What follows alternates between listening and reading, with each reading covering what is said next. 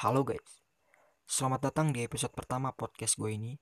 Thank you so so much yang udah mau ngeklik mampir ke podcast gue lewat Anchor, Spotify, ataupun aplikasi podcast lainnya. Makasih. Um, di episode pertama yang spesial banget ini, first time gue bikin podcast guys. Gue pengen bahas yang namanya lucid dream. Mungkin kalian udah ada yang tahu lucid dream itu apa sebagian, atau bahkan masih asing di telinga kalian. Di sini gue bakal jelasin sedetail mungkin. Ini udah gue teliti sesuai penelitian gue dan gue udah rangkum di otak gue guys. Jadi selamat dengerin, enjoy sampai akhir, akhir nanti. Oke. Apa itu lucid dream? Dari namanya kalian pasti udah tahu dong. Kayak dream, dream, dream. Ya mimpi benar. Cuman ini mimpinya nggak biasa. Ini spesial. Mimpinya enak guys. Jadi kalau lo pada pengen mimpi enak, lu terima aja. Gini pernah gak sih lu pada tuh mimpi tapi ngerasain mimpi kalian itu kayak nyata? Bahkan lu pada juga bisa ngedalin mimpi lu pada sendiri. Uh, ambil alih lah istilahnya. Kalau lu pada pernah ngerasain hal tersebut sob berarti lu pada tuh pernah atau sedang ngalamin lucid dream. Ada yang pernah ngalamin lucid dream?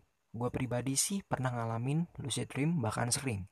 Karena emang wajar mungkin kalian juga pernah ya gue rasa bisa ngendaliin mimpi lu pada sendiri ngatur mimpi lu pada sendiri sehingga mimpi lu pada tuh kerasa nyata gitu.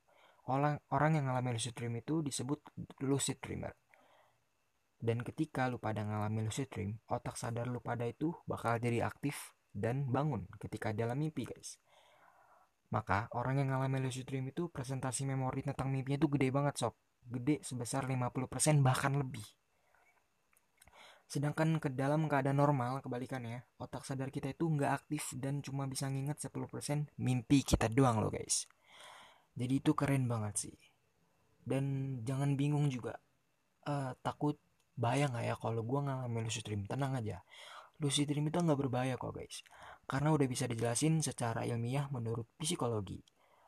Orang yang pernah atau sering ngalamin lucid dream itu juga nggak ada kaitannya sama sekali dengan paranormal jadi lu pada juga nggak usah takut untuk nggak bisa balik ke dunia nyata guys. Karena ketika kita lagi ngalamin lucid dream, kita tuh udah bisa atur mimpi, mimpi kita sendiri kapan kita harus bangun dari mimpi kita. Ada tapi ya, tapi walaupun nggak berbahaya, kalau lu pada terlalu sering ngalamin lucid dream, uh, ini hmm, gue sendiri belum pernah ngalamin ini ya. Katanya lu pada bakal ngalamin beberapa resiko, kayak sleep paralysis, atau lu pada bisa biasa sebut ketindihan. Kalau yaitu di mana badan kita tuh gak bisa digerakin sesaat pas pengen bangun dari tidur.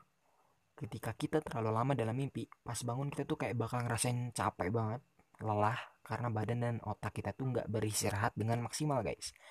Kemudian juga kalau lu pada sering ngalamin lucid dream, itu tuh bakal bikin kita susah bedain mana dunia nyata, mana dunia mimpi. Tapi tenang guys, lucid dream juga ada manfaatnya kok. Contohnya kayak fantasi. Ya, jadi dengan lucid dream kita bisa ngerasain apa pun yang kita rasain. Eh, yang kita inginkan. Itu keren sih.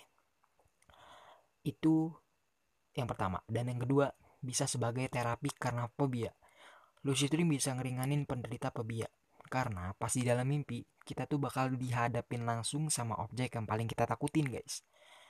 Ya, misalnya lu pada takut sama kecoa di, ntar di mimpi lu pada sendiri lu bisa bikin kecoa objek kecoa itu bakal ada di mimpi lu pada sendiri. Katanya sih bisa ngeringanin fobia guys. Yang ketiga bisa ngedapetin kalian baru sob. Dengan lucid dream nih kita juga bisa nemuin kalian baru buat diri kita sendiri sob. Karena bisa dikatakan kita sedang ngejelajahin alam bawah sadar kita. Nah karena lucid dream gak berbahaya silakan deh lu pada mimpi sepuas-puasnya.